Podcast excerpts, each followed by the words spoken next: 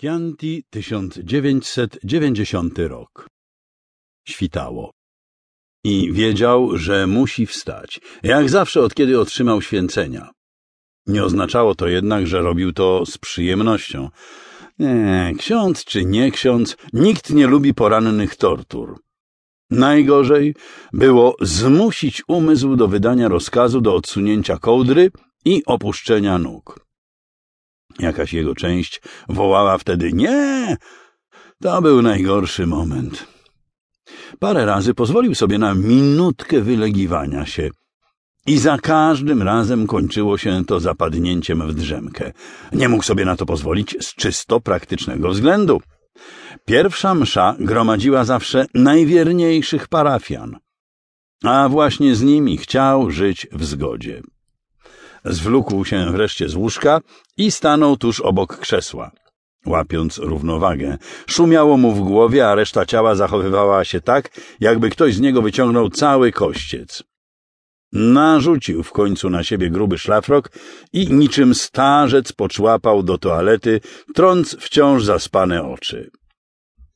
Za oknem świt zmagał się z nocą i powoli wypychał słońce ponad horyzont. Do mszy zostało jeszcze z pół godziny. Ksiądz wrócił z toalety i usiadł przy kanciastym stole, patrząc jak dzień nabierał blasku. Czuł się już bardziej rzeźko. Uchylił okno i usłyszał śpiew ptaków. Całą ptasią orkiestrę.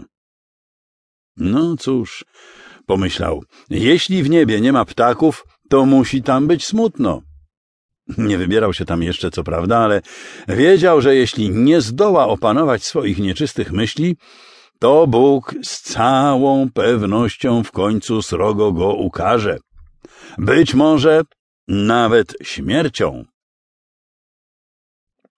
Księże proboszczu, proszę zaczekać jedną chwilkę, tylko mam drobną sprawę do omówienia. Kobieta przyspieszyła kroku, chcąc dogonić księdza. Specjalnie wstała skoro świt, żeby móc z nim porozmawiać jeszcze przed pójściem do pracy. Przesiedziała całą poranną mszę i teraz nie zamierzała dopuścić do tego, aby jej uciekł.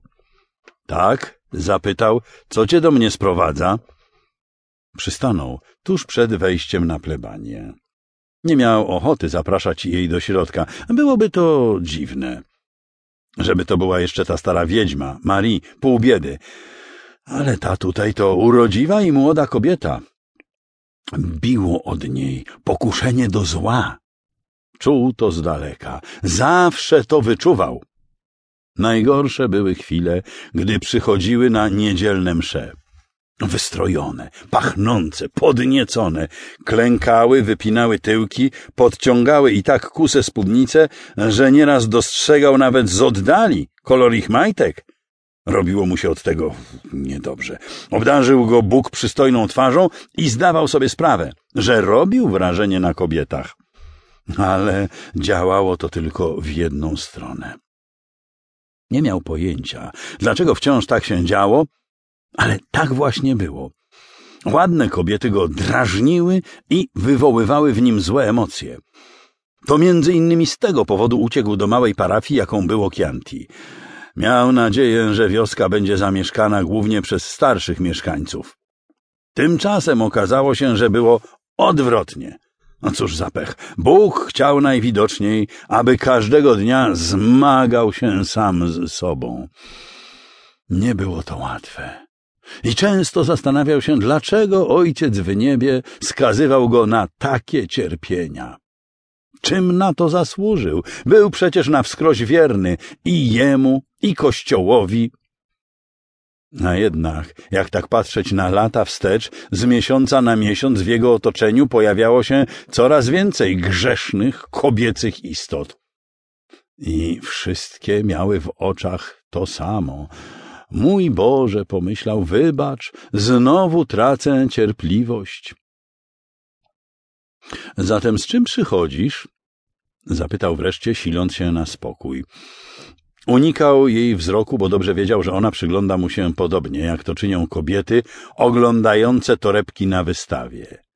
Z zainteresowaniem. To nic takiego.